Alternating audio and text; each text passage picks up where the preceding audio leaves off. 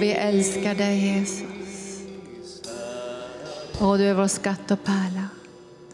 Och du är skatten som vi har i lerkärl. Det är inte först och främst saker som du gör i våra liv, det är du själv som är skatten och pärlan i vårt hjärta. Och när vi ser dig och förstår hur närvarande du är och att nådastolen är ständigt upprest ibland oss. Där seraferna och keruberna breder ut sina vingar och det blodet har stängts på nådastolen. Så vet vi att idag är frälsningens dag. Idag är nådens stund. Idag kan vi hämta ut det vi behöver vid nådastolen och vägen är öppen och beredd genom Jesu blod. Och därför är vi så tacksamma att vi får tjäna dig. Vi är så tacksamma. Vi är så tacksamma. Så tacksamma. Tack Jesus. Åh, vad underbart. Har du, har du fått den här sången från Herren? Ja. Ja, det kändes att det var en, ja, det var en tacksång, en kärleksförklaring till Jesus. Och det behövs verkligen gång på gång på gång att vi gör den här kärleksförklaringen till Jesus. Han behöver höra den från våra hjärtan. Tack ska ni ha. Tack Jesus. Det var så härligt eh, Timo, den här boken som du bara kände att du drogs till. Ignatius, Dennis, honom, det är ju en av de goda vännerna till Bill Prankard. Och det var han som som kallade mig när jag var i Ottawa så, ring, så tog han kontakt med Bill Pranker och sa att han ville att jag skulle träffa en massa diplomater, kvinnor i det här jätteotroliga huset. Alltså det var både tjänare, guldstolar. Han var ju ambassadör från Malaysia. Och så det var lite skraj och tänkte vad ska jag säga där till alla dessa diplomater. Och då sa Dennis Ignatius till mig, nej men Linda sa du ska vittna om Jesus, jag ska du profetera över alla. Och jag vart ju skärrad. Så då sa vi hämtar dig och det var en viss tid, då kom det med en jättelång svart limousin och med chaufför. Tog mig till det där stället och det var ju så otroligt vackert. Det satt det säkert 40-50 diplomater och tittade på mig och jag ställde mig där och jag kände gode Gud, vad ska jag säga nu? Då kom Guds ande över mig. Och jag kunde se vad de hade i sitt innersta, vilka behov de hade. Och jag började liksom på den här sidan med en, med en kvinna som jag sa olika saker till, hon började storgråta. Och sen började Herrens ande att verka. Och flera av de här som kom från buddhistiska länder blev frälsta. De blev helade. Och jag kommer särskilt ihåg diplomaten från Sydafrika som när jag var färdig och hade bett jättelänge sa hon, du har glömt bort mig för jag har ont i höften, jag måste få förbön. Och jag var så salig. Alltså, det var så underbart. Och sen så hände det något, jag var ju kvar där och fikade, då började telefonen ringa. Och då, då sa de så här, det är en healer som är här, jag är ju ingen healer. Och då ville de att jag skulle åka med den svarta limousinen till de här gigantiska lyxbostäderna där i, i det där ambassadområdet. Där det var så nöd bland människor. Jag fick be för, för kvinnor och män som hade förlorat sina barn, förtvivlade och flöda med den heliga ande. Och sen sa de, nu ska du till svenska ambassaden och träffa Sveriges ambassadör. Och så ska du få vittna för henne.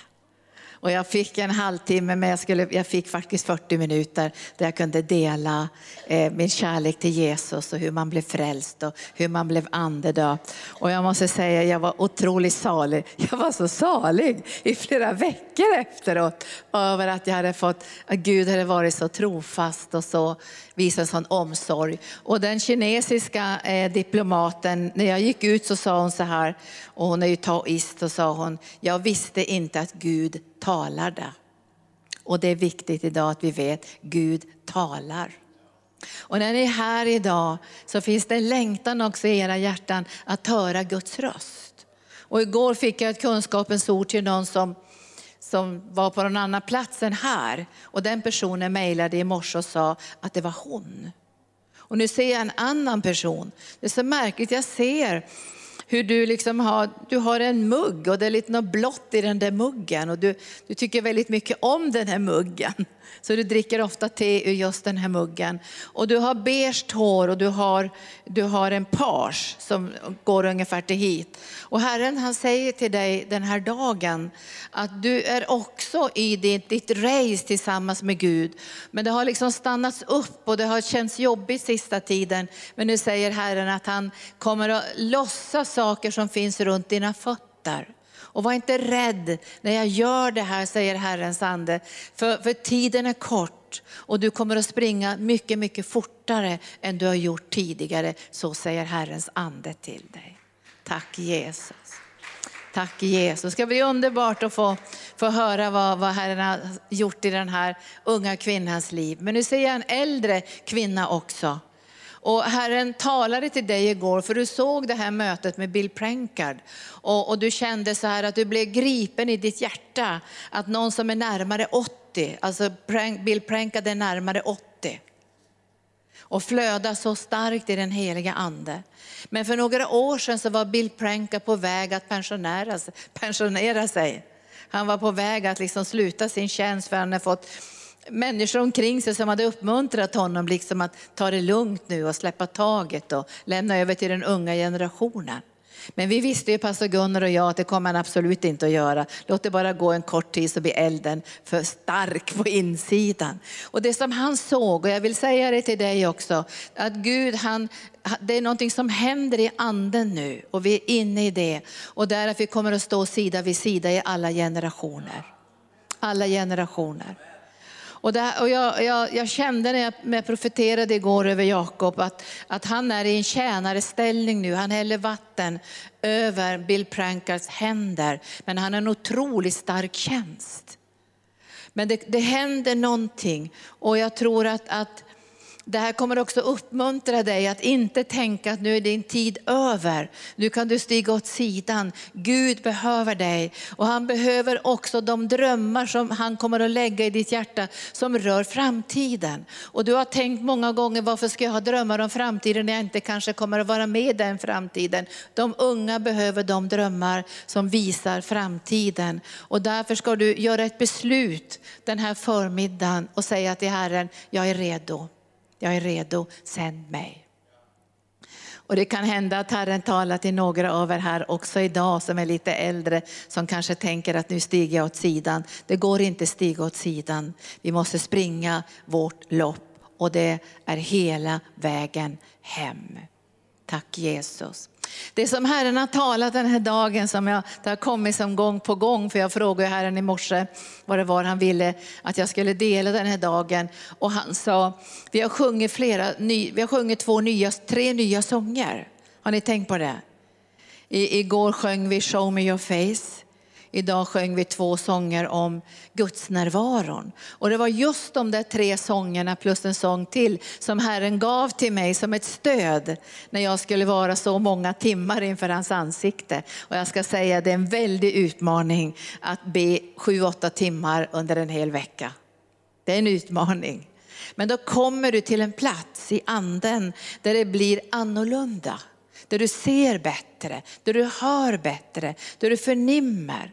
Och Paulus han säger ju att han har varit i tredje himlen. Jag har inte varit där men jag skulle önska att jag fick vara med och se saker som inte uppenbaras genom människor men som uppenbaras genom den heliga ande. Och jag tror Gud har en längtan nu kan jag inte säga att du ska be sig många timmar, men det kan vara bra någon gång att dra sig undan och bara koncentrera sig på kärleken till Jesus. Inte evangelisationen, inte det vi ska göra för honom, för det ligger ju nära mitt hjärta att genast tänka på allt vi ska göra, missionsarbete och så. Bara koncentrera sig på, jag älskar dig Jesus. Jag vill vara inför ditt ansikte och jag vill höra din röst och jag vill beröras av din ande för att kunna leva ett heligt liv. Och det vi ska titta på idag, vi kände det som var så starkt där, heligt kol ska läggas på era läppar.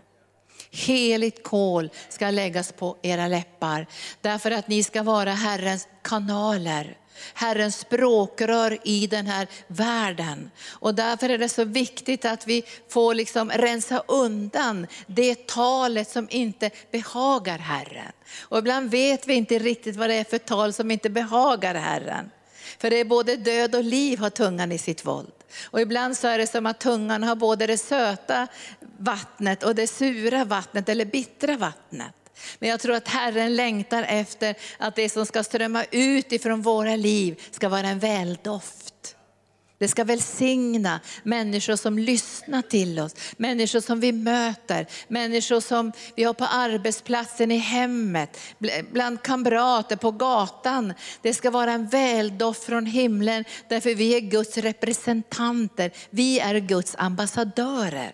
Och jag mötte, när jag mötte de här diplomaterna då så såg jag att de var otroligt stolta över sitt land. När de, när de trädde in där i den, där, i den där otroligt vackra huset så såg jag att de var, det var buddister, det var från olika länder som, som hade den religionen. Men de var så stolta över sitt land. Och de, de, de, de bar någonting för de var sända. Alltså den här ambassadören Dennis Ignatius, han var ju sänd av malaysiska kungen att vara en representant för Malaysia i Kanada. Och han var så stolt över sitt land. Och när jag mötte de här så tänkte jag, vi är representanter och ambassadörer från himmelens konung. Att vara hans språkrör i den här världen. Och då säger Herren ifrån, ifrån Ordspråksboken, säger han i kapitel 18 om tungans makt. Alltså du har, du har makt i din tunga. Alltså Gud har lagt sin eldslåga på din tunga. Och det här har vi ju läst om när, när, när anden föll på pingstdagen, så var det tungor av eld. Kanske du inte har tänkt på det alla gånger, men det var tungor av eld. Det var Guds tunga som lades på din tunga för att du skulle vara hans språkrör i den här världen. Och därför måste Gud ta kol från altarplatsen och lägga på din tunga för det som ska komma nu i den yttersta tiden. Vi hörde igår att vi går in i den yttersta tiden och Gud behöver språkrör, kanaler, tydlig information från himlen att han är inte arg. Jag möter många förkunnare nu sista tiden kanske, sista åren kanske, som har läst mycket gamla testamentet om Guds domar, Guds vrede över synden. Och det är väldigt bra att läsa gamla testamentet och se Guds vrede över synden. Guds vrede över avgudadyrkan, Guds vrede över eh, ytlighet och slarv. Och, och, och, ni kan läsa om sådana saker i Bibeln och Guds vrede över olika typer av synder. Och det här behöver man läsa gång på gång för att förstå att straffet tog Jesus frivilligt. Han tog straffet i vår ställe för all synd, för att vi skulle kunna förklaras rättfärdiga. Och det ämbete som du och jag har idag är inte domens ämbete det är försoningens ämbete. Att berätta för människor att de är försonade. Att Jesus valde att ta straffet i deras ställe. För att försona hela världen med sig. Straffet för synden går inte längre över människorna i denna tidsålder. För Jesus har tagit straffet och domen. Men det kommer en dag då människor kommer att träda inför Guds ansikte utan försoning och utan blodet och utan rättfärdiggörelsen genom Jesus Kristus. Och då blir det en annan tid. Men nu har vi försoningens ämbete. Och därför säger Herren idag så här, död, tungan har makt över liv och död. Tungan har makt över liv och död, står det i 18 och 21. Och den som gärna brukar den får äta dess frukt. Den som gärna brukar den får äta dess frukt. Och du och jag vill gärna bruka den, för vi vill äta dess goda frukt, eller hur?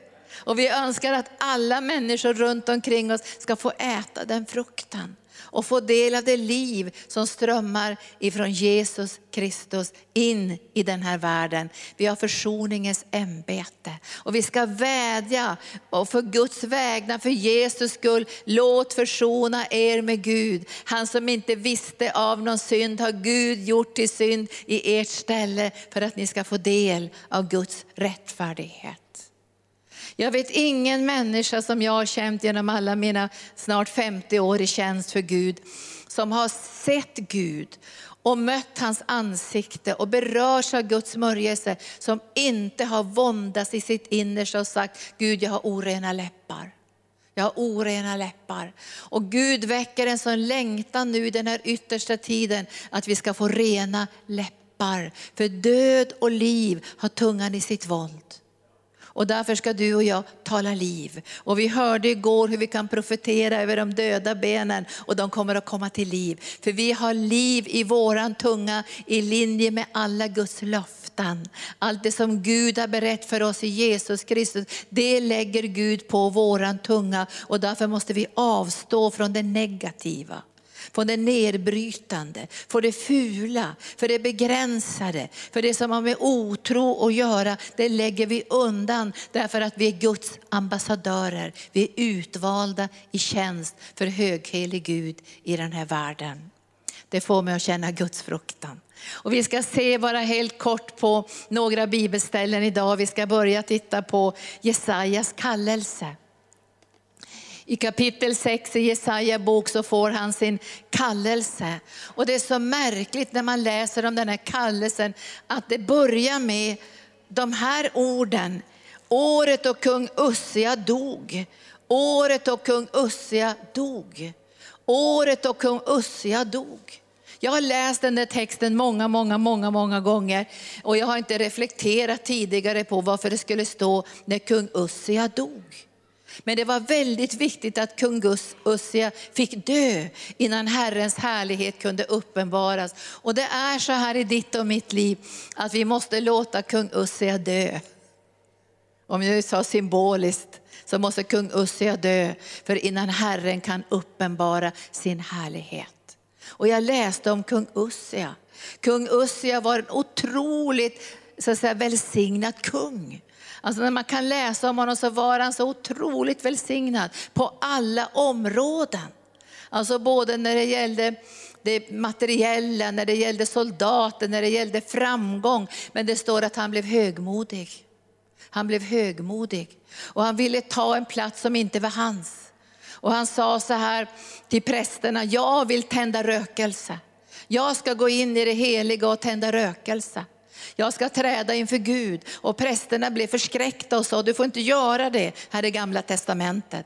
Därför att det, det är prästerna som ska tända rökelse. Och du är inte präst, det är en galenskap. Men kung Ussia fick ett vredesutbrott. Och han blev så arg så han skällde ut prästerna. Och sen säger han, så jag gör vad jag vill. Och så slog det ut spetälska på hans panna och han förpassades utanför Herrens härlighet under resten av sitt liv. Kung Ussia måste dö. Och det händer någonting i anden nu. Och jag, jag, tror det händer över hela världen. Det är en reningsprocess i den heliga ande. Därför högmod går före fall. Och ödmjukhet går före ära. Och Gud utvalde Jesaja och han såg det här, i den tid när kung Ussia dog, då visade sig Herren. Och ändå visade sig inte Herren på det sätt som vi får se honom idag. För det är det gamla testamentet, täckelsen är kvar. Men han fick se Gud genom en täckelse. Man kan inte se Gud och leva i gamla testamentet, men du och jag kan se Gud och leva. Och jag tror att Guds fruktan kommer att öka utöver världen. Inte fruktan, men den gudsfruktan är någonting annat än den fruktan som kommer ifrån djävulen. Hade, I, hade Adam och Eva haft gudsfruktan, då hade de sagt så här, vi lyssnar inte på någon annan än Herren. Och därför så kommer en gudsfruktan. Och det, det är mer en vördnad, det är mer en, någonting som griper våra hjärtan över Guds närvaro. Och jag tror vi kände det lite idag, gjorde vi inte det? när vi sjöng den här sången, in your presence, då kände vi Guds fruktan. Gud, ta kol från altarplatsen, ta kol från altarplatsen och lägg på mina läppar. Så jag kan vara din kanal i den här världen, ditt språkrör. Det som du har på ditt hjärta ska få förmedlas in i människors liv. Och den här Jesaja så står det så här, i den tid när kung Ussia dog så såg jag Herren sitta på en hög och upphöjd tron. Och släpet på hans mantel fyllde templet. Serafer stod ovanför honom, var och en hade sex vingar. Med två täckte de sina ansikten och med två täckte de sina fötter och med två så flög de och den ene ropade till den andra, helig, helig, helige Herren Sebot, hela jorden är fylld av hans härlighet. Och rösten kom från den som ropade och fick dörrpostarna och tröstlarna att skaka och huset fylldes av rök. Det är vad väl du och jag längtar efter. Att huset, mitt hus, ditt hus ska fyllas med rök av den helige andes närvaro. Att vi ska ha en sån närvaro av Gud på den här platsen. Att när människor kommer innanför de här dörrarna så faller de på sina ansikten och säger Gud är verkligen ibland er. Och när ni öppnar er mun så kommer en övernaturlig smörjelse från himlen för ni kommer att kunna se. Vi är inte blinda längre. Man kan vara blind i det naturliga, men man ska inte vara blind i det andliga och du kommer att se. Och när det här hände inför Jesajas ögon, då började han ropa till Herren, Fader, Fader, Fader. Han säger, jag förgås, för jag är en man med orena läppar. Och jag bor bland ett folk med orena läppar och mina ögon har sett kungen, Herren Sebaot. När du har sett kungen, Herren Sebaot, genom din ande, då kommer du må väldigt dåligt i orena sammanhang. Du kommer att känna dig störd. Du kommer att känna, här hör inte jag hemma. Men du måste vara där, för Gud har sänt dig dit. Därför behöver du komma in i en smörjelsenärvaro som gör att du beskyddas, så du inte förlorar Guds härlighet i karga mörka, syndiga, negativa miljöer. För det är där som du och jag ska vara med Guds förvandlande kraft som ska flöda genom våra liv. Det här ska Herren göra under den här veckan. Bara veta. Och jag har känt också att många av oss här i arken känner att vi, vi får lätt att gråta. Vi, varför får vi så lätt att gråta? Det är som att Gud berör oss. Och då har Herren sagt så här, det är jag som berör era hjärtan, för utan de här tårarna kommer inte mirakelsmörjelsen att flöta. Därför de här tårarna hör ihop med mirakelsmörjelsen.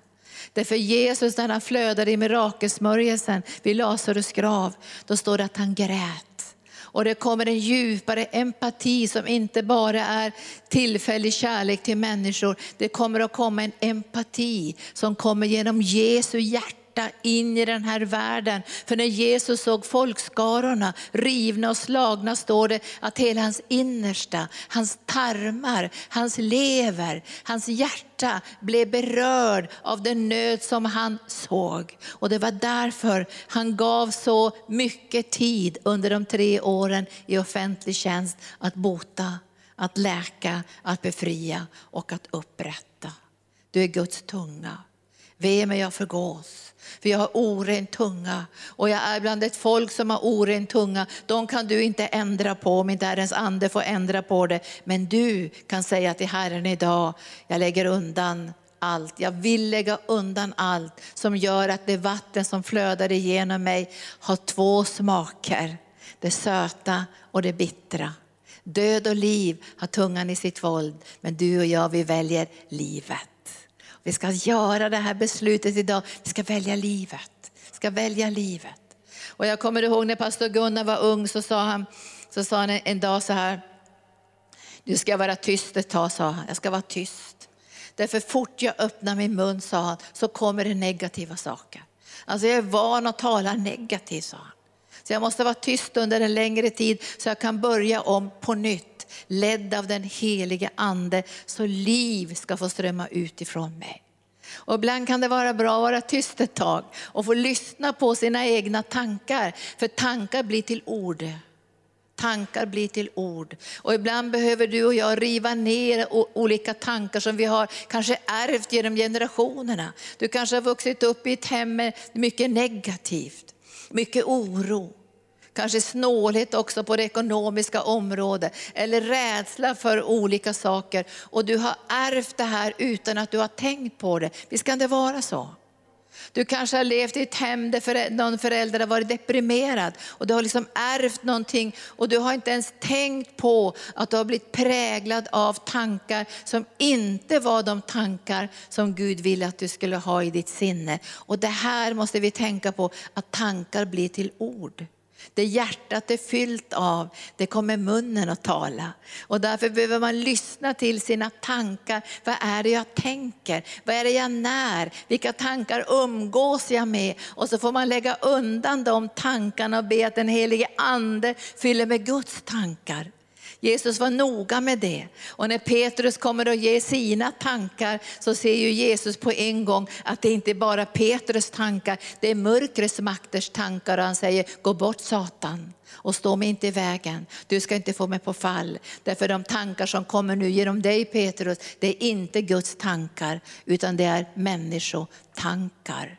Ve mig, jag förgås, jag förgås. Och då står det, då flög en av seraferna till mig och i hans hand var glödande kol som han tagit från altaret med en tång och han rörde vid min mun och sa, nu, är det, nu har detta rört vid dina läppar och din skuld är borttagen och din synd är försonad. Och jag hörde Herrens röst. Han sa, vem ska jag sända och vem vill vara min budbärare? Då gensvarade Jesaja på en gång, Herre, här är jag. Sänd mig. Och han sa, gå till detta folk och så får han uppdraget och kallelsen och orden som han ska förmedla till Israels folk. Nu är det här gamla testamentet, men vi är i nya testamentet. Och när Herrens kol får röra vid våra läppar så kommer det att bli utrymme för det som är heligt och rent och avskilt för Gud. Och när kolet har berört dina läppar så kommer du inte säga saker på samma sätt någon längre. Alltså du kommer att känna på en gång, nej men det här vill inte jag ha sagt. Det här vill inte jag förmedla. Det här vill inte jag tala ut. Det här kommer att skada, det här kommer att förstöra. Därför Guds ande säger att när du talar ska det bli till välsignelse. Och när du talar så kommer människor att se Jesus. Vi ska tala väl om landet. Och i morse när jag var inför Herren så förde han mig in i, i, i, fjärde, i fjärde Moseboken i trettonde kapitlet och du kan ju läsa det om du vill sen någon gång. Ni kan ju den här berättelsen redan när Herren säger till spejarna att de ska gå in i landet. Och det står i kapitel, bland annat i kapitel 13, de tolv spejarna. Och Herren, han, det, när Moses säger till dem att de ska bespeja landet ska de titta efter olika saker. Alltså de ska titta efter om, om landet är svagt eller starkt, om det är starka eller svaga människor, om landet är gott eller dåligt, om städerna är befästa eller bara som läger, om jorden om jorden är välsignad och om det finns träd och så här. Så de ska titta, de ska bespeja och titta, hur ser det ut i landet? För Gud hade gett ett löfte, kommer ni ihåg löftet? Ni ska få ett land som flyter av mjölk och honung. Och det var det löfte som förde ut Israels barn ur Egypten. Och Gud har gett också oss ett löfte. Ni ska få ett land som flyter av mjölk och honung. Låt oss flöda med denna mjölk och honung i tro in i människors liv så de får möta Jesus. Vi ska inte flöda med kaktusar, med domsord eller med långa långa sådana här, äh, P, vad heter det, i våra ögon. Ja, i bjälkar, ja, hur ser de ut? Ska vi titta om vi har någon bjälke här? Jag tror vi har en bjälke här. Vi ska ha bjälkar i våra ögon. Det vill vi inte ha va? Nej. Vi ska få ett land som flyter av mjölk och honung. Det var löftet som Gud gav. Har han, har han lämnat det löftet?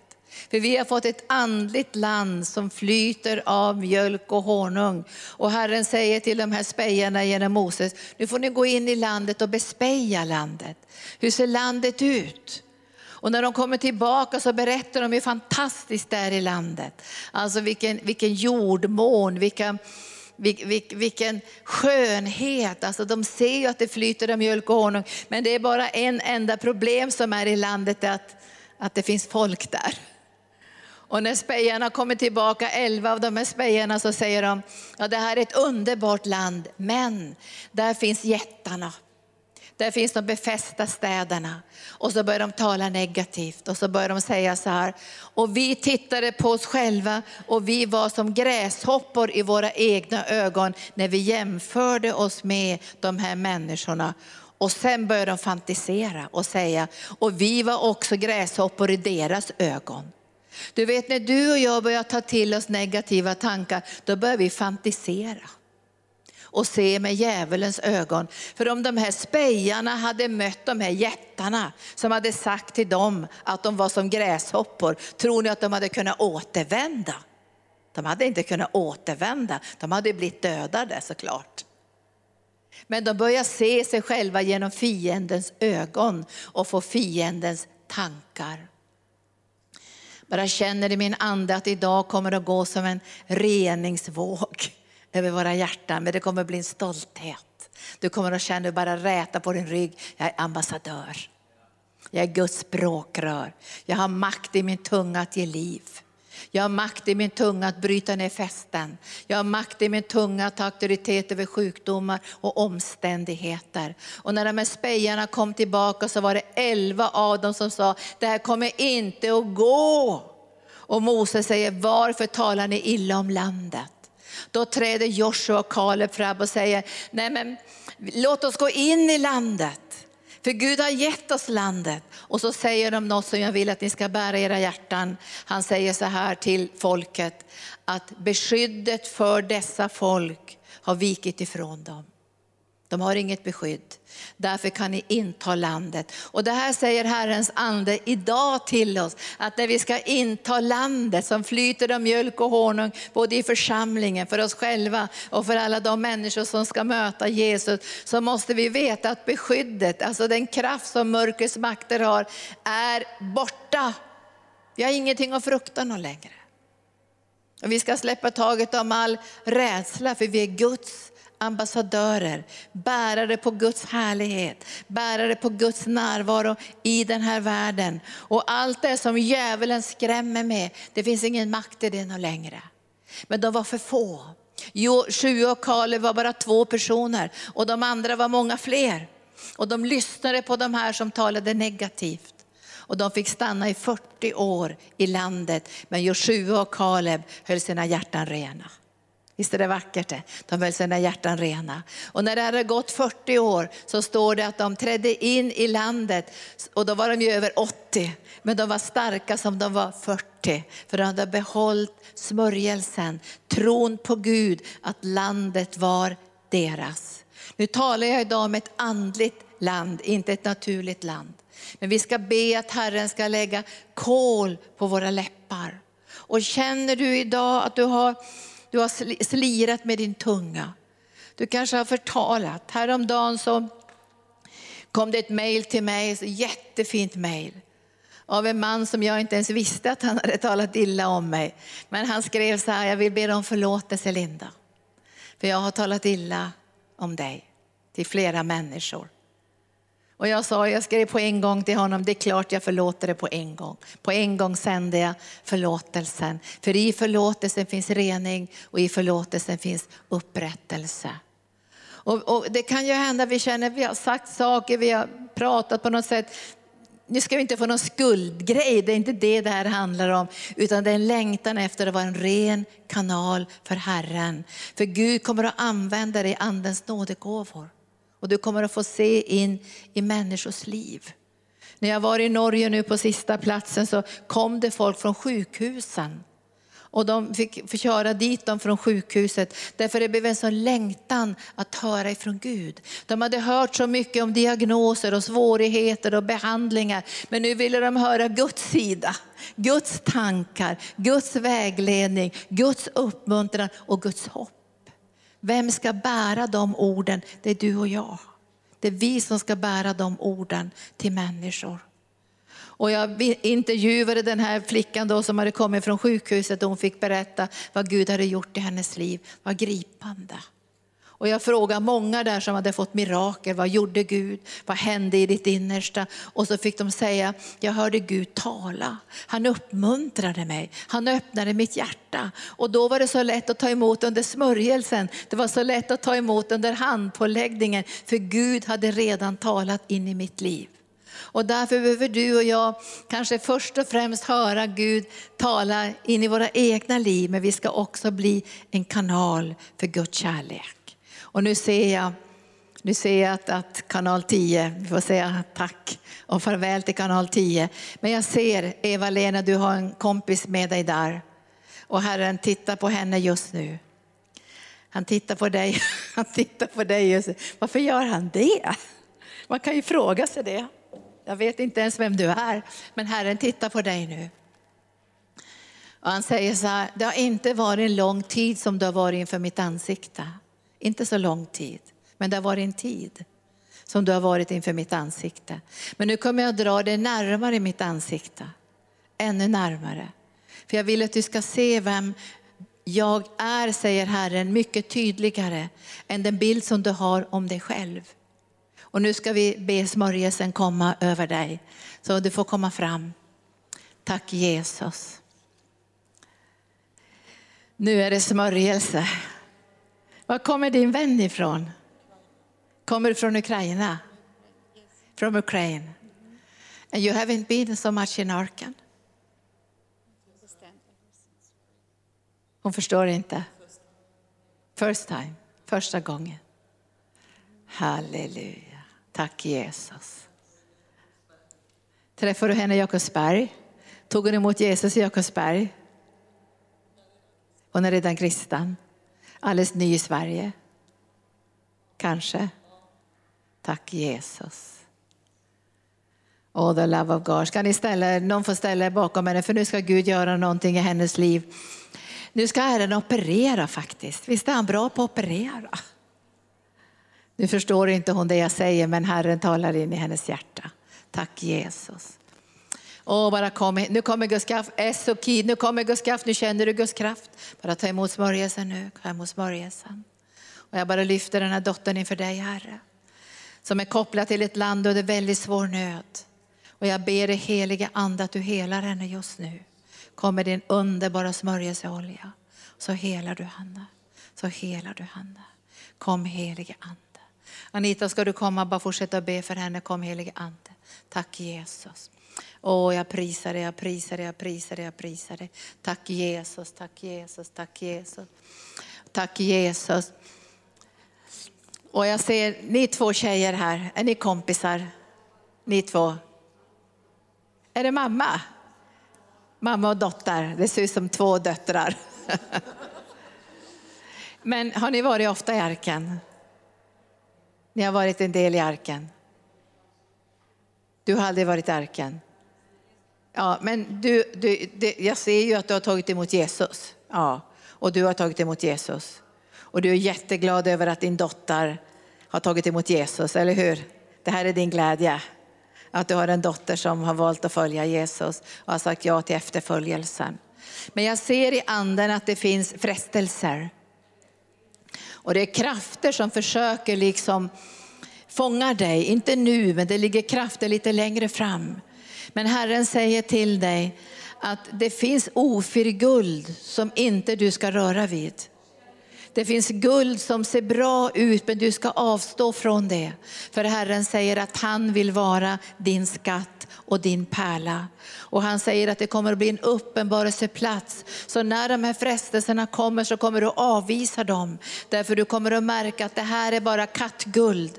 Det här är bara kulisser. Det här är bara krafter som är i rörelse för att försöka få bort dig från den kallelse och den plan som Gud har för ditt liv. Så nu ska vi be för det. Kom fram, kom fram. Tack Jesus. Åh, vi bara prisar dig Jesus. Cora presente. Cora Brendorio, Sesto Corio.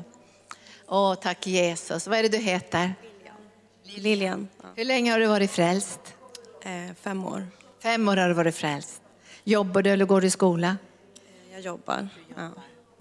Jag har startat ett eget företag nu också. Du har startat ett eget företag nu. Tack Jesus. Det kommer att bli en väldigt stor välsignelse. Nu ska Herren rusta dig. Han ska rusta dig. Bara sluta dina ögon. För nu kommer Guds kraft att flöda genom dig. Kom helige Ande. Och jag bara tackar dig Jesus nu för denna dotter. För jag såg ljuset över henne. Och du talar till henne Gud. Att när krafter kommer i rörelse och erbjudande kommer från mörkrets makter så kommer hon att se igenom det. Hon kommer att kasta oförguldet i bäcken. För skatten och pärlan som hon bevarar och förvaltar i sitt hjärta. Och jag smörjer dina läppar. Jag smörjer dina läppar. Du kommer att må dåligt med det otvetydiga skämtet. Du kommer att känna dig förtvivlad när du hör människors hädelser och orena ord.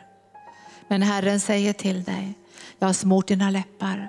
Och när du öppnar din mun så kommer människor att säga, ursäkta mig jag svor, ursäkta mig, jag, vad gjorde jag det här?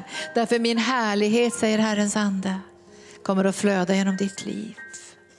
Ta emot smörjelsen, ta emot smörjelsen, ta emot smörjelsen. Kom heliga ande. Nu kommer Guds kraft, kommer Guds kraft. Tack Jesus. Kommer Guds kraft, kommer Guds kraft, kommer Guds kraft. Tack Jesus. Nu, nu kommer det. Släpp för att nu kommer det, nu kommer det. Låt den få bara ligga under Guds kraft. Låt den få ligga över Guds kraft. Tack Jesus. Tack Jesus. Hade du ett ord? Jag trodde du... Hade du ett ord? Jag ska försöka att inte gråta just nu. Du måste gråta, du får gråta. Tack Jesus. Pastor Linda säger att jag får gråta. Men jag känner att Gud talar att vi behöver vidga våra hjärtan för människor. Att vi behöver älska dem med en kärlek som är ren. Att han kan rena våra hjärtan och våra tal så att vi kan älska de människor som behöver det. Den här vackra kvinnan från Ukraina och de här vackra människorna som kommer hit. Och det känns som en så vacker överbevisning Jesus. Och vi vill tacka dig för den. Och jag tackar dig också att du kommer aldrig med fördömelse. Så du här inne, om du känner dig fördömd, så kom, det kommer inte från Jesus. Utan det kommer från någon annanstans ifrån. Så Jesus, jag tackar dig att vi idag får gå in i en djupare överlåtelse till dig. Att du får visa vägen hur vi älskar människor. Att det är du som leder oss Jesus i vilka vi är och hur vi kan tala liv. Precis som pastor Linda har predikat från ditt hjärta idag. Hur vi kan tala liv också över oss själva.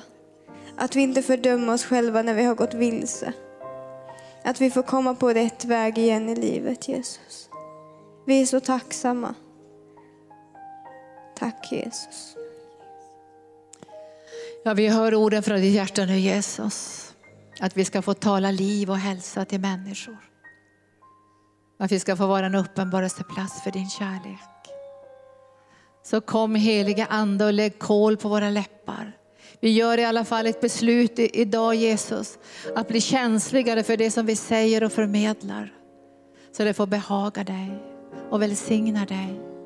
Så det blir en väldoft runt våra liv. Så vi kan få uppenbarelsegåvorna i funktion i ödmjukhet. Att vi aldrig blir som Ussia. Att vi tränger oss fram på ett sätt som gör att vi inte kan behaga dig. Utan vi ödmjukar oss under din mäktiga hand så får du upphöja oss. Men vi ställer oss till ditt förfogande. Och vi ska genom våra läppar också trösta den trötte. Ge liv till den sargade. Ge styrka till de som håller på att ge upp. Bana väg tillsammans med dig Jesus för de som har fallit. Och resa dem upp. Och bli rika på förlåtelse. Bli rika på att vända andra kinden till. Bli rika på nåden som flödar från hjärtat, ditt hjärta Jesus. Så ge oss den verkliga rikedomen med himmelens underbara rikedom. Kom helige Ande, kom helige Ande. Jag fick en bild under eh, låsången lovsången eh, tidigare. Ehm, det var när eh, Oskar sa att vi skulle blunda. Då blundade jag och då såg jag Jesus och så såg jag törnekronan. Och så såg jag de här bloddropparna som kom ifrån törnekronan. Och i de här bloddropparna så stod det olika, då stod det sjukdom, förkastelse, fruktan, bortstötthet. Jag bara såg att han har, han har tagit allting och hans blod, i, hans, i hans blod finns det helande och läkedom i hans sår. Och eh, ta bara emot det, för det är från, från Gud. Han, han vill hela och upprätta dig idag. Tack Jesus. Och nu ser vi blodsdropparna. Och i de här blodsdropparna ser vi det nya livet. Hjälp oss heliga Ande att känna igen människotankarna, djävulens tankar, andra människors tankar som för oss bort ifrån dig Jesus. Och lägg kol på våra hjärtan också idag. Inte bara våra läppar, utan på våra hjärtan. Från altarplatsen, från altarplatsen. Kom helige Ande. Och vi är så tacksamma Jesus, vi är så tacksamma. Bara rena våra hjärtan nu, rena våra tankar. För det är sagt, från hjärtat kommer äktenskapsbrott. Från hjärtat kan det komma tjuveri och negativitet och skvaller och allt möjligt negativt. Men vi önskar att fylla våra hjärtan med din närvaro, med dina ord och din härlighet. Så våra läppar får bära liv och hälsa till den här sargade världen. Så kom helige Ande, kom helige Ande. Åh, tack Jesus. Herren bara verkar i den här flickan. Har hon andedopet och tungotal? Yes, yes. Nu kommer Guds ande också över dig här. Jag såg på en gång när jag började det här mötet så såg jag att nu är det slut med det här som har plågat dig. Nu är det slut. Idag sätter vi en gräns i anden, en blodsgräns. De här tankarna som har velat föra dig in i en ofrivillig isolering. De tankarna bryts idag, säger Herrens ande. Det bryts idag. Du, den här isoleringen på insidan, den här känslan av utanförskap, det bryts idag. Det bryts idag. Och jag tror de här orden som Timo gav om de här, de här kycklingarna eller hönorna som hade varit på fabriken, som de hade räddat och tagit ut på, på landet.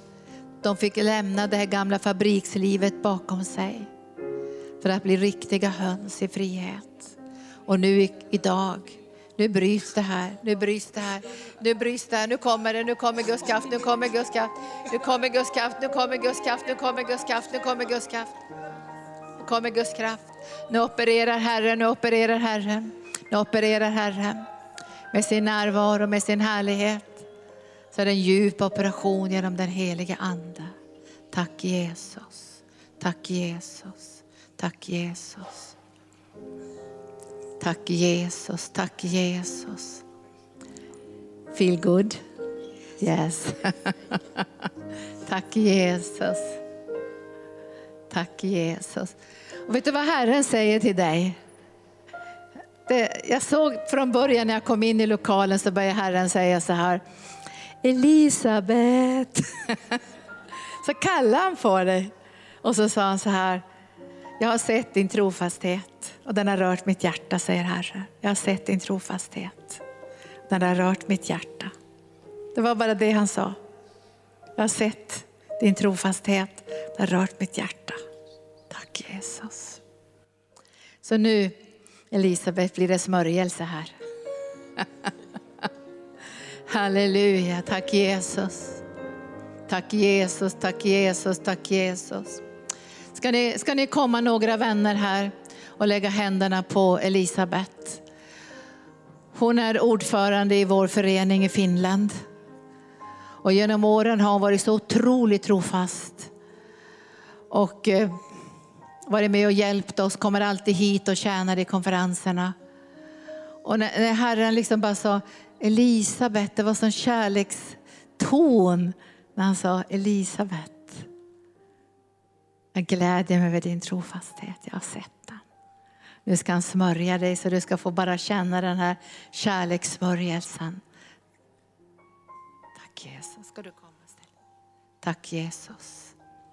Och nu smörjer vi dig Elisabet för den vägsträcka du har framför dig. För det är en banad väg, säger Herrens anda. Och jag har sett din trofasthet. Och det har behagat mitt hjärta. Och jag vill att du ska känna idag min kärlek och min glädje över dig. Och du ska få känna under de här dagarna min glädje. Inte bara din glädje i mig, utan min glädje i dig. Så säger Herrens ande. Bara smörjerna, bara smörjerna, bara smörjerna, bara smörjerna, bara smörjerna, bara smörjerna. Tack Jesus. Hur känns det Elisabeth? Det känns bra. Det känns bra va? Ja. Tack Jesus. Du är glad att vara här? Ja, jätteglad. Tack Jesus. Åh, det här är en välsignad tjej. Tack Jesus. Nu ska vi strax sluta det här mötet och vi ska ju börja ganska snart igen så ni får en lunch, lunchrast. Men jag vill säga en sak till sist här och det är av våra vänner som har dött. Erdla Höskulsdottir, kommer ni ihåg henne?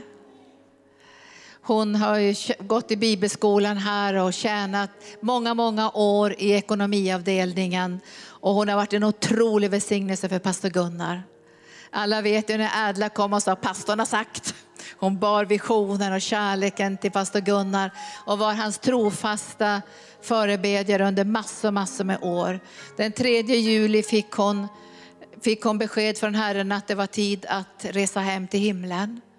Och hon var ju under en period i Island också och fortsatte att be för oss. In i det sista så skickade hon tacksägelseämnen och förbön för arken. In i det sista.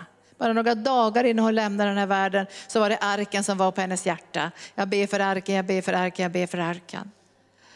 Och hon vände ju tillbaka till, till Island men hon hittade ingen församling så hon har varit distansmedlem under alla de här åren som hon har varit i Island. Och jag hade hoppats att jag hade fått möta henne för jag ska ju åka till Island och ha konferens ganska snart. Men nu är hon hemma hos Herren. Visst är det fantastiskt? Nu är hon hemma hos Herren. Kanske hon sitter och dricker kaffe med Petrus, det vet inte jag. Alltså jag känner, det är helt fantastiskt. Även om vi sörjer och känner liksom att vi saknar henne jättemycket så måste vi ändå känna, tänk att hon är hemma. Hon är hemma hos Herren nu. Och hon kom genom den här pärleporten, hon skuttade in dit. För hon hade ganska ont i sina höfter och sådär på slutet. Men nu när hon lämnade sin kropp och fick bara skutta in i himlen och jubla där inför Herrens ansikte. Så vi har skickat information till och hälsningar från arken till inför begravningen att de ska få känna en ljus tacksamhet inför hennes minne. Fantastisk tjänarinna som vi älskar. Så kan vi inte bara ta en kort någon minut och så tackar vi Herren för Erla. Vi är så tacksamma för ädla Jesus som är hemma nu hos dig. Och vi kan nästan känna lite avundsjuk att hon är hemma nu. Nu skådar hon de här seraferna med ett ansikte som inte är täckt. Och nu ser hon din härlighet. Och vi tackar dig för allt hon gav till dig Jesus i kärlek. Allt det arbete hon gav in i arken på ekonomiavdelningen. All den tid som hon tog i bön för att stödja pastor Gunnar och mig och hela församlingen. Och vi tackar dig Herre för att hon fick arken som sitt hem. Och nu har hon himlen som sitt hem. Och vi tackar dig Herre, vi vill tacka dig för Arla. Och vi vill sända välsignelse till hennes familj, till hennes barn. Till alla hennes vänner också här i Sverige och alla hennes vänner på Island. Och vi är så tacksamma över vår syster. I Jesu Kristi namn. Amen. Så tack ska ni ha kära vänner och sen syns vi klockan tre.